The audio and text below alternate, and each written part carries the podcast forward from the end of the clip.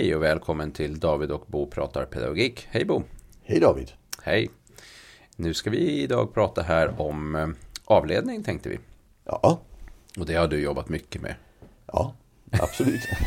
och skrivit böcker om kan man säga. Ja, som är som en viktig metod. Men... Ja, det ingår ju som en, ett verktyg i det vi kallar lågaffektiva verktygslådan. Ja, precis. Så kan man säga. Men det är ju en, det är en mycket bredare metod. Ja. Mm. Berätta lite, alltså kan du ta någon sån här bakgrund till det? Eh, har du någon egen sån här erfarenhetsmässigt som du eh, ibland plockar upp som viktig? Alltså, nej, vi, vi kan ju inte titta på det, det är ju en, alltså, det är en evidensbaserad metod. så vi kan ju titta lite på metodens historia. Ja. Alltså för avledning är något alla föräldrar använder.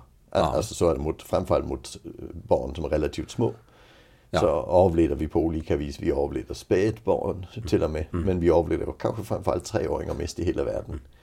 För det är ju den ja. åldern att, att ja, vi, ja, jag har till exempel ett barnbarn som satt på X2000 hela vägen från Stockholm ner till Malmö och när de kom fram till Alvesta så stannade ett kryssartåg bredvid. Mm. Och då skulle han ju absolut åka kryssartåg. Ja. Alltså det är ju klart, han, har, han kan ju inte bedöma konsekvensen men så blir han ju liksom, äh, jag vill åka kryssartåg.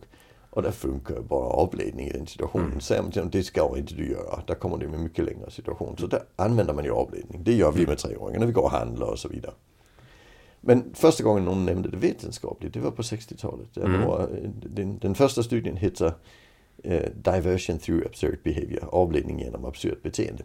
Mm. Och kom till därför att man egentligen försökte ta reda på om man kan få barn att sluta med ett beteende genom att be dem. Alltså när man säger sluta, sluta dem då. Och där skulle man ju, eftersom det var en sån klassisk positivistisk forskning, så skulle man göra så att man varannan gång sa sluta och varannan gång gjorde något annat som ja. vi kallar placebo. Och placebo var att man stod på ett ben och hoppade upp och sa kyckeliky. Man gjorde något lite crazy. Och viftade med, med, med armbågarna. Sån här klassisk ja. och det var ju jättemycket mer effektivt än att säga sluta. Ja. Och, och, och, och forskargruppen har sen publicerat studier eh, 71 publicerade den här fantastiska studien som alla känner till men ingen tror är forskning. Vad gör man när barn lägger sig ner och skriker på ICA och vill ha godis? Ja, man kan lägga sig bredvid och skrika också. Det är alltså en evidensbaserad metod. Den är och, jätterolig. Ja, äh, men från 73 ungefär ser man att forskningen där kommer man fram till att det behöver inte vara absurt. Det, det räcker ju bara att säga att vi har tuggummi i bilen. Ah, ja. Alltså, så, så där börjar väl inte en... Och sen när metoden används, eh, där har, jag har gjort studier där man tittar på självskadebeteende. Hur funkar det när man avleder en person som har ett självskadebeteende? Blir det mindre självskadebeteende? Ja. Kan man avbryta situationen och så? Eh, så, så den finns ju som en del av väldigt många metodkomplex kan man säga. Så väldigt många verktygslådor har den i, i verktygslådan. Och den finns ju också i den lågaffektiva lådan. Ja, just det. Så kan man säga. Jag tycker det som är spännande med den det är att vi får ibland kritik. Alltså folk som inte tycker man ska använda det. Ja, för det som vi eh, ändå någonstans tänker är ju att eh, avledning är bättre än eh, utbrott. Ja. Därför att utbrott och, kaos och det flyger grejer, det är ju, och, och, och man tappar fattningen och hög stress och, och stark att det, vi har inget lärande där och alltihopa. Men det finns Nej, en del som har kritik mot att man använder då ja. avledning som strategi. Det finns ju dels en kritik som kommer från ett, ett mer psykodynamiskt miljöterapeutiskt håll mm. som tror att konflikten i sig har ett värde. Mm. Uh, den, den, det finns ju ingen vetenskaplig stöd för den tanken idag kan vi säga utan det är väl en av de sakerna som, som hamnar på listan över att metoder vi inte ska använda mm. i, i de här stora listorna som amerikanska psykiatriska sällskapet har gjort och så. Uh, så den, den, kritiken brukar jag avfärda och säga ja. det, det, det, är inte så. Vi ska inte framkalla konflikter för att få en, en, en inlärning som de här personerna gick och trodde. Uh, det nästa det är ju faktiskt, nu sitter vi i Stockholm och spelar in. Mm. Och när jag första gången skulle till Stockholm och föreläsa, och det var 2008 faktiskt. Mm. Jag, eller sju. Drygt tio år sedan. Sju, ja precis. Jag hade första 12. föreläsningen i Sverige 2006. Eh, första lågaffektiva föreläsningarna höll jag i Danmark. Mm. Eh, jag, jag, är dansk från början och jobb, jobbade i Danmark på den tiden. Eh, men 2006 höll jag min första här och introducerade begreppen. Och där, när jag skulle till Stockholm, mm. där, där, var det ju, jag skulle vara på för barnhabiliteringen. Mm. Och där var det vissa av våra kollegor, psykologer på barnhabilitering, som sa, ska ni verkligen ha honom? Det är ju han som säger att vi ska avleda med glass. Mm. Mm. Och det hade de jättestora problem med. Just det. Alltså det, det, det jag säger det är, ja, men har du en konflikt på gång? det är bättre att äta en glass än att ta konflikten. För det är att vi får en bättre situation. Alltså så är det. Och det, det, det var det vissa som tyckte var jättejobbigt. För de säger att då förstärker vi det negativa beteendet. Mm. Uh, det vill säga, eh, då belönar vi beteendet genom att vi ger en glass. Så då tänker man sig att varje gång, mm. eh, då, då lärs, då tänker man, alltså grunden är ju då att ehm, eh, barnet lär sig genom att få en glass att om jag gör så här så kommer jag få glass varje gång. Och det ska ja. vi inte göra. Och då, men det som är intressant där är ju, är det verkligen så? Kommer det alltid ja. bli så? Och sen alltså, själva tanken mm. att, att, vi kan förstärka negativt beteende på det viset. Den formulerades i en bok 1927 av Watson och Watson. Vilket år sa du? 1927. 27? Det är ja, länge sedan. Ja. Men, men de skrev ju så här, man ska inte trösta spädbarn. För då lär de sig att de får tröst när de gråter. Så då börjar de mm. gråta mer. Ja. Och det är ju vad vi skulle kalla en omänsklig tanke. Ja, det är en omänsklig tanke. Men, men, men det, det är där begreppet kommer ifrån. Där börjar det. Ja, och, och, men sen har ju eh, den plockats upp av psykologin. Och ja, men det var psykologin. Stark. Alltså ja, Watson menar, grundläggare utav behaviorismen kan man säga. plockats ja. upp senare i, i, alla möjliga sammanhang också. Ja, fast på samma villkor mm. som Watson gjorde. Alltså, och, och jag, inte, alltså jag tror inte det är på det viset, för det är inte det vi ser. Det, det, det, det, är en väldigt grundläggande schism någonstans i, i, i tänkande mellan jag och den som tänker så. Ja. Nämligen att jag tror att samarbetar vi med barnet så kommer det att funka. Barnet, det, det barnet upplever det är att när jag samarbetar då blir det bra. Mm. Alltså, eh, medan de upplever att när jag bråkar då får jag glass. Men, men, men där utgår man ju från att, att, att den här, vad ska vi kalla den, positiv förstärkning är en jag vet inte riktigt hur jag ska förklara det. Att, att, att det är en verk, ett verkligt fenomen. Alltså, hur menar du då? Jag, jag hade en diskussion i Norge förra veckan. Och det var, det var någon som blev väldigt provocerad på en föreläsning jag höll. Uh, och, och, kom fram och sa, men positiv förstärkning det är ju en, en det är ju det som styr allting. Och ja. jag säga, nej, positiv förstärkning är ett ord. Mm. Det är ett begrepp vi försöker beskriva ett fenomen. Alltså det är ju ingenting som finns i verkligheten. Det är ju något vi konstruerar när vi försöker beskriva. Ungefär som KBT-folket brukar kritisera psykodynamikerna för att när de pratar om parallellprocesser som om de fanns i verkligheten. Mm. Och, men, men nu hittar vi någon som pratar om positiv förstärkning som om det finns i verkligheten. Ja. Mm. Och, och, det är ju ett, det är ett sätt att beskriva. Kanske får beskriva positiv förstärkning för den som inte riktigt vet.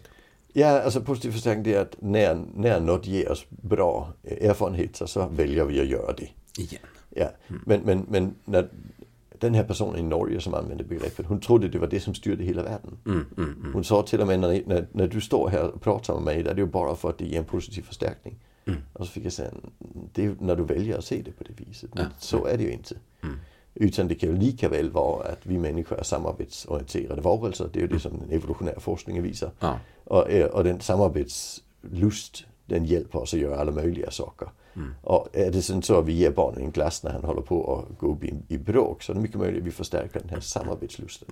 Och då måste vi ändå eh, plocka upp det som att eh, när du har nämnt det här med att man gör glass, då handlar ju inte det om varje, varje enskild gång nej, vilket nej, barn som helst får ett litet eh, utbrott för att han eller hon får ett nej, utan det handlar ju om de här barnen som eh, har enormt kraftiga, eh, ja. svåra situationer, ständigt misslyckas, eh, har ofta stora funktionsnedsättningar ja.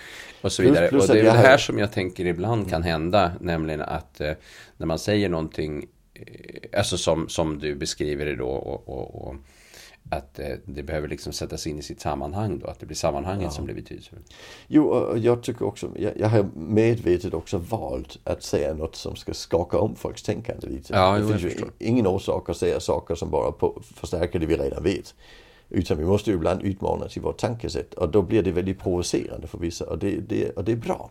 Ja. Det måste vi tänka till.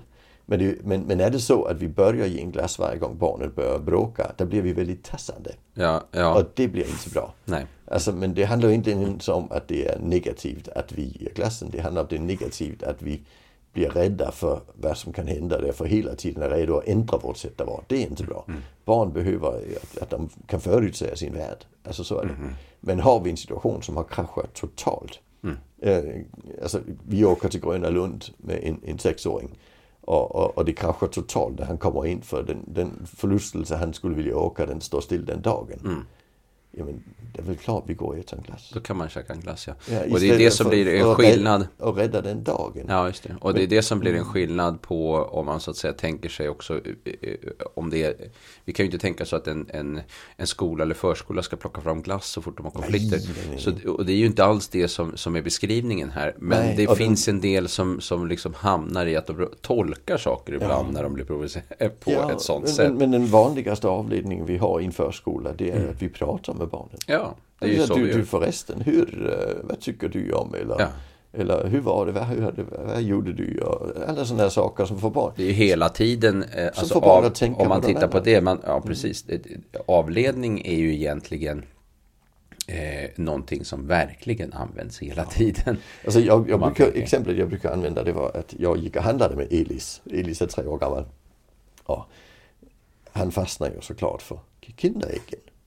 Alltså så är det. Men jag, och då skulle man kunna säga, men då ska du bara ge honom ett Kinderägg. För det är ju det du säger när du säger glass är bättre än konflikter. Fast det ska jag inte. Nej, Alltså, vi ska inte ha ett Kinderägg bara för att vi går och handlar. nej. Så det är alltså, men vi skulle köpa yoghurt till frukosten. Och därför så stod jag fyra meter bort vid yoghurten och så har du sett? Det finns både Elsa yoghurter och Anna yoghurter och sådana med apor på. Vilka vill du ha? Och poff så var han där och ville ha Elsa yoghurt. Och det funkade jättebra. Det är ju en avledning för att komma bort från Kinderägget också. Men det finns ju ingen orsak att jag tar en konflikt på ICA med honom. Om att han ska fan inte ha något Kinderägg bara för att vi går och handlar. Det kommer inte han att lära sig något av. Nej, det är det som man hamnar i ibland. Att vuxna ska gå in i att uppfostra barn då i de lägena och säger nej, det gör vi och, och, och ibland så riktar vi det ju. Som till exempel lördagsgodis är ju ett sätt att rikta godisönskemålet till ett särskilt tillfälle. Vi strukturerar det. Och då strukturerar det. Och det Och, finns då, och ju då något kan vi använda bilden av godiset som avledning. Ja men det ska vi ha på lördag. Ja, och då... Det allra roligaste situation jag och min fru någonsin haft tror jag, när det gäller språkförbistring. Det var, det var när vi var på Bornholm och vi gick på gatan i Rönne. Och jag pratar danska som modersmål och hon pratar svenska. Och sen hörde vi en, en, en pappa och en fyraårig dotter eller något som gick framför oss. Sen säger flickan, jag vill ha glass. På danska då, jag vill ha is. Och sen säger pappan, nej men vi ska ju hem och äta rågbröd. och så säger hon, okej. Och min, fru börjar skratta jättemycket. Ja. Men, men det som händer här det är att rågbröd betyder lunch på danska. Ah, ah. Ja, Så vi ska ju hem och äta lunch. Ja, precis. Ja, alltså, men men det, visst är det kul, eller hur? Det är jätteroligt. Ja, eh, så, så, så, så, när jag väl förklarade det, där gav det en viss mening. Ja. men, men alla föräldrar har ju sagt det. Nej, vi ska ju inte ha glass nu, vi ska hem, och äta lunch. lunch.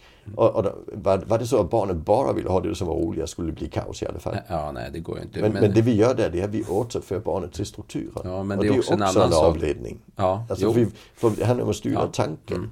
och genom att styra tanken bort från glassen skapa en bild av det här rågbrödet eller lunchen. Ja. Så, så, så funkar det liksom. Just det. Det, och- så så det, är, det handlar inte om att ge barn något gott. Utan det handlar om att styra tanken. Mm. Men det gör ingenting. Alltså, vi, avledning i sig är kraftfullare än de här negativa faktorerna. Ja, och sen är, det ju lite det här skilja på eh, eh, kris och kaos kontra vardag. Det finns ju också en del som tycker, men ska vi inte ha några gränser? Alltså att det låter som att lågaffektivt bemötande ibland är någon slags gränslös hållning. Alltså att man inte har gränser för saker och ting. Ja, men men, då, då- måste man ju skilja på eh, eh, kaos och vardag också. Ja, nej, men jag, jag brukar säga att vi måste skilja på någon gränser och struktur. Eh, Ja, gräns och struktur också. Struktur handlar ju om att vi i förväg säger till hur det ska vara. Mm. Och sen försöker vi hålla det. När inte det hålls så faller det och sen går vi tillbaka i strukturen så fort Till- som möjligt. ja. Medan gränssättning handlar ju om att du när saker blir fel säger åt. Alltså, och, och, och då måste vi definiera strukturen först. Ja, det, där, jag brukar jämföra med Då är det egentligen skillnaden mellan proaktiva eh, metoder Ja. och, eh, och reaktiva metoder. och det vill säga- gränssättning är reaktivt. Och gränssättningen är reaktiv, den kommer in i efterskott som Ja. reaktion. Och proaktiv, det är när man är i förskott och tydliggör en, en struktur till exempel. Eller så. och, och det bästa exemplet på en, en reaktiv metod det var att om vi skulle ändra, vi har körkort det är ju proaktivt. Ja. Först går vi kurs och lär oss eh, teorin och till och med prova ut i praxis och så vidare. Sen får vi körkortet. Ja. Skulle det vara reaktivt, då skulle vi bara dela ut körkort till folk och sen sätta ut massor med poliser på gatan som stoppar folk när de gjorde fel. Men vi, men vi vägrar berätta hur de skulle Ja, göra. det. Och det skulle inte funka. Men det är en ganska bra liknelse för att Mm. eh, det är ju någonting där med att vi behöver liksom komma upp i en viss kompetens innan man så att säga kan släppas ut i trafiken Ja, hur som helst. Och, det är ju det vi gör med strukturer också. Ja. Och, den, men avledning blir ju ett, ett, ett, ett reaktivt verktyg som, en, som står i motsättning till en gränssättning. Men därför kräver det att vi har en bra struktur vi är i. Så det finns en tydlighet i vardagen, barnen vet vad som gäller. Eh, och, men när inte bara klarar av det, då har vi utvägar. Som, inte, som inte blir förtryckande. Och det är där en del håller jättehårt på sin gräns. Ja, och tycker att det är en struktur de har upprätthållit eh, eller bestämt sig för och då har de satt upp en gräns att det här är det som gäller. Vi äter i matsalen, vi eh, går tillsammans, vi liksom, och, och då kallar man det en struktur och sen så vill barnet inte det eller funkar det inte och så börjar de bryta eller tjafsa eller det händer saker.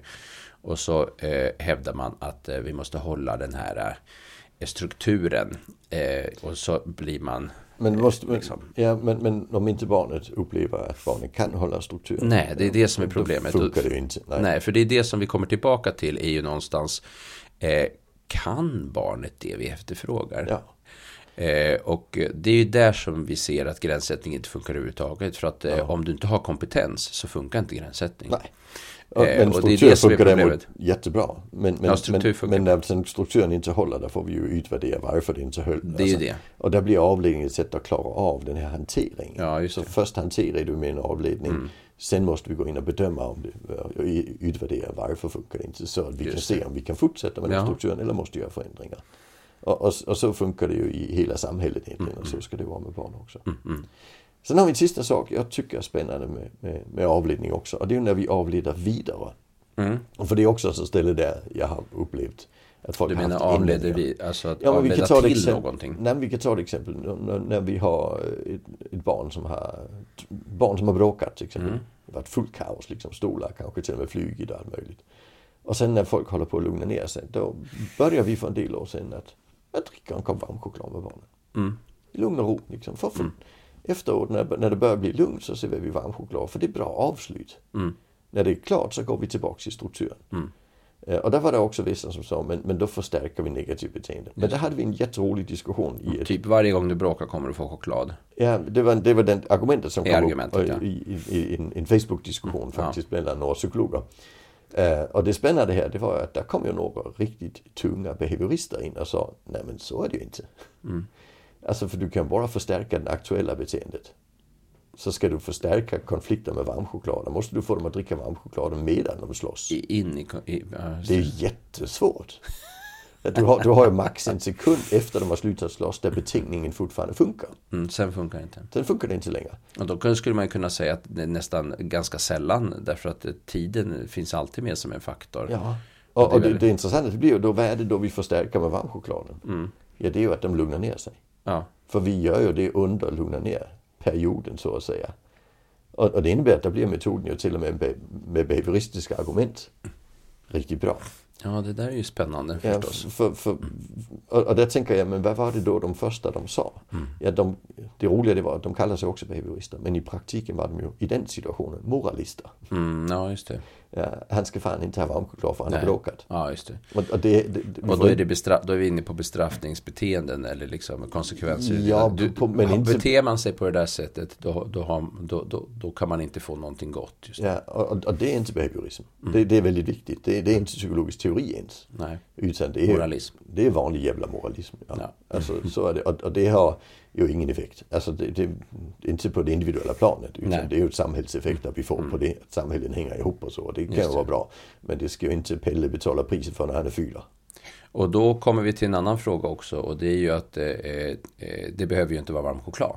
Det Nej. kan vara eh, att man sitter tillsammans Läser bok, och läser en bok eller man kanske till och med ger en kram. Eller man, alltså det finns massvis med saker som man kan tänka sig. Jag gillar avledningar som definierar.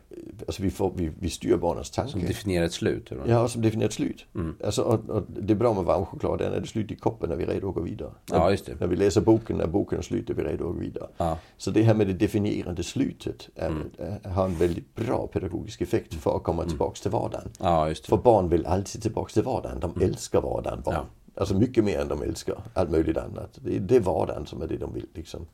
Och därför ska vi hela tiden, kan vi få det här slutet som nu, nu börjar vardagen. Mm. Och därför gäller det att hitta de här avledande, när man avleder vidare. Just det. Avledande mekanismerna som har ett färdigt slut. Liksom. Mm. Det, det är viktigt. Och det betyder ju i så fall att eh, det kan finnas en poäng i att ha en liten arsenal av smarta saker som man kan ta fram som har ett eh, väldefinierat slut. Yeah. Till exempel i en förskola när man har konflikter med vissa barn och det händer olika saker, blir väldigt jobbigt och, och så. I det här eh, skedet av att runda av och, och liksom att eh, barnet har lugnat ner sig och man börjar komma tillbaka till vardagen. Mm. Så kan man ha någonting som helt enkelt avgör att nej men kom nu, nu gör vi det här tillsammans. Ja. Så läser vi den här boken och sen så blir det en avslut. Vi har också pratat om begreppet förlåt förut, du och jag. Ja. Eh, och, och, där är det vissa som tror att förlåt kan ha den effekten. Nu har mm. vi sagt förlåt och sen är det färdigt. Ja. Uh, och där är vissa barn som köper det. Mm. Uh, och, och köper de det, då måste vi ju acceptera det. Ja. Men där, där har ju inte förlåt den här ångrande effekten. Uh, nej, för vissa får, har det ju inte det. Du får den här avslutande effekten istället. Ja, just det. Ja. Och det tycker jag kan vara helt okej, okay, men det är dumt att, att pressa det fram. Mm. Men har vi ett barn som säger, okej okay då, förlåt. Mm. Ja, då köper vi det. För han försöker bara få det avslut så vi kommer tillbaka till vardagen. Ja, och, precis. Det då, blir... då blir det ju faktiskt en självavledning på ja. flesta. Ja. Mm. Och, då, och sen är det då inte av värde, alltså jag menar det, det, det, det betyder inget, eller barnet vill bara ha hela situationen avslutad. Ja. Och själva förlåtet i sig innehåller inget djupt eh, nej, förlåt, nej, nej, ingen ånger, utan det är bara att, ett sätt att få slut på situationen. Ja. Vi ger oss inte förrän du har sagt förlåt. Vi sitter här tills du har sagt förlåt. Ja, det, det, ja, förlåt. Och sen så går, ja, kan precis, man gå. Mm. Så färdigt. Pressa fram. Vilket ju är helt meningslöst. Fullkomligt, ja. Men, men, men för barnet som själv tar initiativet kan det ha ett värde för det är självavledande. Ja, just det, i att det ändå tar slut. Ja. Hur är det med dig? Avleder du dig själv? Mig själv? Ja, det ja. tycker jag är jättespännande. Alltså ska vi prata psykologisk behandling av barn så det här träna, effekt, träna självavledning tror jag är mm. jättebra. Ja. ja. Eh, jag har inte tänkt på det men jag får tänka på det. Ja, då kan du ge något exempel på ja. dig själv då. Jo men det är klart, jag avleder mig själv ibland. Alltså, när, när det är saker man inte vill tänka på. Ja men alltså skjuta upp. Ja men saker man inte vill tänka på och saker man tycker är jobbiga så försöker ja. man tänka på något annat. Mm. Eh, ren det... prokrastinering när man går och dammsuger istället för att skriva istället... uppsats. Eller, ja, eller vad som helst. Ja, precis. Så. Eller att man byter kanal när det blir någonting jobbigt på radion som man inte orkar höra på just då. Ja, eller, eller när man får en sång på hjärnan och sen börjar sjunga på en annan med flit. Liksom. Med flit för att, just det. Det, det, är ju självavledningar. Ja, men då kan man ju fundera på eh, att just nu är det lite tråkigt och sen så kan man eh, piffa till det lite grann med man sätter på någon bra låt och man eh, kokar te eller kaffe eller tar någon chokladbit. Alltså det finns ju massvis med sätt att eh, uppmuntra sig själv. Det är också en slags... Ja, men även, även om, om du håller på att bli arg. Och ja. du säger, nej men jag ska inte bli arg, jag ska göra mm. något annat istället. Mm. Alltså det, för det, det, jag, jag får ingen nytta av att ringa och skälla på Skatteverket till exempel fast jag tycker det är för jävligt det här. Mm. Mm. Då kan man ju avleda sig själv i den situationen också. Alltså, så vi, vi, det är ju något som vi använder. Alltså, vi, och där kallar vi det ju coping eller mästring. Ja, just det. Jag tänker på i handledning, när jag, har, jag har träffat väldigt mycket förskolepersonal och skolpersonal genom årens lopp i olika verksamheter. Och eh, en sak som eh, eh, jag har använt mig av ibland som jag tyckt varit, vi har sett varit ganska effektiv. Det är att väldigt ofta så inträffar ju eh, liksom, situationer som blir problematiska när barnet inte håller på med någonting han eller hon är engagerad utav eller del, mm. liksom, kan känna sig delaktig i. Vi ser det väldigt tydligt i övergångar. Eh, just ja. det här barnet kanske inte riktigt vet vad som ska ske eller det är lite stökigt runt omkring. Och då börjar man tjafsa med andra. Medan precis innan så höll man på och byggde någonting eller lekte någonting eller sprang omkring och gjorde något liksom, som var mera riktat. Och plötsligt så ska vi städa och då blir det kaos. Och då brukar prata om det här med att leda barnet in i en aktivitet. Det vill säga ja. att hjälpa barnet in i aktiviteten. Mm. Och i någon bemärkelse kan vi kalla det där också någon form av avledning. Alltså avledning mm. från det där, leda in i någonting, leda in i någonting annat ja. istället. Utvecklingspsykologen Daniel Stern, han beskriver något som kallas affektiv intoning. Ja, just det. Och det påminner lite om det. Ja. Men det han beskriver det är ju det med lilla barnet som mm. gråter. Då säger vi åh gråter du, är ja, du ledsen? Ja. Och sen, och sen ändrar vi tonfall när vi väl klickar i barnets känsla. Och det blir ju också en affektiv avledning. Ja. Alltså den är ju väldigt kraftfull och den mm. använder vi ju kraftfullt med småbarn. Just det. Alltså, väldigt men, mycket. Men vi avleder ju också småbarn. Ja, men är du lite ledsen upp på axeln liksom. Ja, just alltså, det. Mm. Så, så i bebisar är det, det är en väldigt fysiska avledningar, väldigt affektiva avledningar. Mm. Medan ju större barnen blir, ju mer blir det ju mer kognitivt orienterade avledningar. Ja, just det. Mm. Alltså, jag, jag har alltid gillat med mina barn att, att prata om absurda saker. Om de håller på liksom och... Något helt annat liksom. Ja, ja. Prata om elefanter och allt möjligt. För barn blir förvirrade. Alltså det, det är ju jätteroligt när, när man liksom upplever att nu behöver de komma ur den här tanken liksom. Mm. Sen, sen kör man igång. Och det är ju lite intressant ibland med en del eh, eh, liksom vuxna i relation till barn som ja, men är ledsna eller, eller liksom eh, vill inte eller, eller sådär. Att, eh, eh, att en del går, går in så mycket i att försöka prata om det som händer. Eh, ibland kanske lite för mycket. Alltså jag menar mm. inte att man inte ska för, för det är ju det som också kan vara kritiken, att man inte att man liksom hela tiden sveper förbi någon känsla och uttrycker någon en känsla så, så sa nej men inte var ledsen, ungefär lite så här, inte var ledsen nu, nu gör vi det här istället. Fast man säger bara kom nu så gör vi det här istället, men man säger inte inte var ledsen. Mm. Men att det, att det blir som ett överslätande. Ja fast jag tänker att det, det, handlar om när jag upplever att barnet är fast och inte kan komma loss ur känslan. Ja. Då går jag in och hjälper. Men, men, men ledsna de säger att det ska barn ju också ta möta. på. Ja, ja, och ångest och så. Det, det, är ju inte så farligt. Så det... så det handlar ju inte om att vi ska avleda så fort vi upplever att någonting är negativt. Nej, nej, nej. nej. Då blir vi testande igen. Ja. Och det är livsfarligt. Mm. Utan det handlar om när vi upplever att nu har barnet fastnat. De har fastnat riktigt rejält och nu blir det liksom, nu måste vi komma ur den här situationen, loopen liksom. Barnen behöver komma ur den här, eller kanske att vi behöver komma ur den här för vi ska åka hem nu. Just det. Alltså där kan vi också ta till den typen av metod. Ja. Och, och där, där handlar det ju inte om att få barnet att lyda. I princip mm. handlar det om att få barnet att välja och vilja åka hem. Ja, just det. Så, så vi handlar ju om, vi är inne och jobbar med självbestämmandet. Ja utifrån tanken att självbestämmande är inte att alla bestämmer själv hela tiden. Nej, utan att vi, vi ska samarbeta. Och hur kan jag få barnet att klicka in i samarbetet igen? Och här är lite intressant, för jag tänker att eh, vi tänker ganska ofta på det kring yngre barn, inte lika mycket kring äldre. Och nu tog du upp det här perspektivet, eh, eh, liksom, hur avleder man sig själv som vuxen? Ja. Eh, jag tänkte på en situation som vi hade vid ett tillfälle där tonåringar, yngre tonåringar på hemmaplan, ett gäng hade tittat på en sorglig film. Eh, och de grinade allihopa i sängen där de var tre eh, tjejer. Och eh, det var jätteledsna och de bara grina och grina och grina och grina och grina. Och det tog aldrig slut. och till slut, ja det bara blev värre och värre liksom. De bara grina och, ja. och de höll på liksom. Jag tror att i, i en halvtimme, 40 mm. minuter, jag vet inte, men det var jättelänge. Till slut så sa vi fru, nej men nu, nu går jag in och bryter det här. Och då gick hon bara in och sa, nu tjejer, nu är det slutgråtet här nu. Kom nu så gör vi det här. Så här, poff, tog det slut. Ja. alltså, men, men, men det, det, det är spännande för den här yngre tonåringen i flock, de, blir, de är väl, där, där verkligen att man bör vända sig. Mm. Från föräldrarna till sina jämnåriga. Ja. Och då blir, öppnar man ju alla de här effektsmitta... Alla sinnena öppnas. Ja, effektsmittarkanalerna. ja, precis. Och det är när de sitter där och gråter så förstärker de ju varandra. Ja, hela tiden. Men, och det är ju som det här med fnitt eller andra ja. typer av grejer som också kan liksom sprida ja. sig och, och så tar det inte slut. Det går svårt att sluta. Ja. Och då försöker vi ju avleda oss själva oftast. Alltså det, men här är någon annan tvungen att gå in. Ja, och här är lite intressant med det här med struktur. Jag kommer ihåg att jag var på någon sån här eh, psykologstudentkonferens i Amsterdam när jag var student. Då. Och man fick välja massa olika eh, så här, grupper man kunde ingå i och göra olika saker.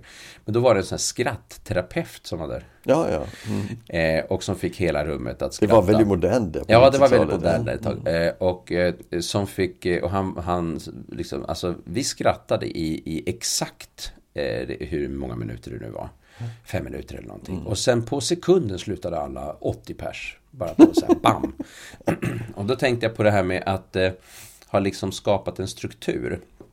Och så inom ramen för den här strukturen så får ni frika ut hur ni vill. Ni får liksom hamna vart, vart som helst i skrattet här nu. Mm. Eh, men sen är det slut. Och då tänker jag på det här ibland. Om vi tänker oss att vi har en förskola. Alla barnen springer omkring. Eller liksom sådär. Och så är det väldigt stökigt. Så kan man ju bestämma sig för att nu samlar vi ihop allihopa. Och så nu springer vi av oss liksom. Mm. Eh, jag har också hört om en del som har ordnat. Eh, både på förskolor och i skolor. Att nu brottas vi liksom. Men under reglerade former liksom. Ja. Och sen poff så är det slut. Mm. Och plötsligt så blev allt det där brottandets när och var. Det liksom försvann. För det mm. strukturerades upp på något sätt. Det är ju egentligen klassisk autismpedagogik att vi strukturerar ett beteende för att kunna skriva på det. Ja, så att vi kan liksom hitta formerna. Eh, så att det inte flippar ut. Nej, jag jobbade för många år sedan med en kille som hade väldigt, väldigt låg funktionsnivå. Mm. Alltså väldigt stora funktionsnedsättningar. Och han hoppade. Eh, och han hade hoppat sönder bjälklaget hemma. Oj. Så det, det, var, det var kraftfullt. Uh, han var i övre tonåren vid det laget. Ja. Och hoppade jättehögt liksom. Mm. Och det vi gjorde det var, där, han brukar hoppa på samma ställe i huset, en viss bana liksom. Ja. Och sen la vi ut en sån där blå tejp på golvet där han hoppade. Mm. Och sen när vi gick två månader så flyttade vi tejpen. Och då fortsatte han hoppa på tejpen för vi hade ju liksom strukturerat hoppandet via tejpen och då kunde vi flytta till ett ställe där det inte belastade golv, äh, bjälklagen. Bjälklagen. Ja, precis. Så, så man, och det är ju på en väldigt rå nivå det här. Men Mm. det är ju samma vi gör när vi strukturerar beteenden. Just det. Som brottning. Mm. Mm. Just, och då kan man tänka sig att vi helt enkelt leder in det i en struktur. Ja. Alltså ibland är avledning bara att leda av ifrån en känsla. Ja. Eh, men ibland är det också att leda in i en struktur helt enkelt. Ja, precis. Mm. Nej, vi ska inte ha glass, nu ska vi äta rågbröd. Ja, rågbröd. yes. Ja, det är bra. Nu har vi snackat avledning. Ja, det har vi gjort. Ja. Då avslutar vi. Det Tack vi. för idag. Hej. Hej.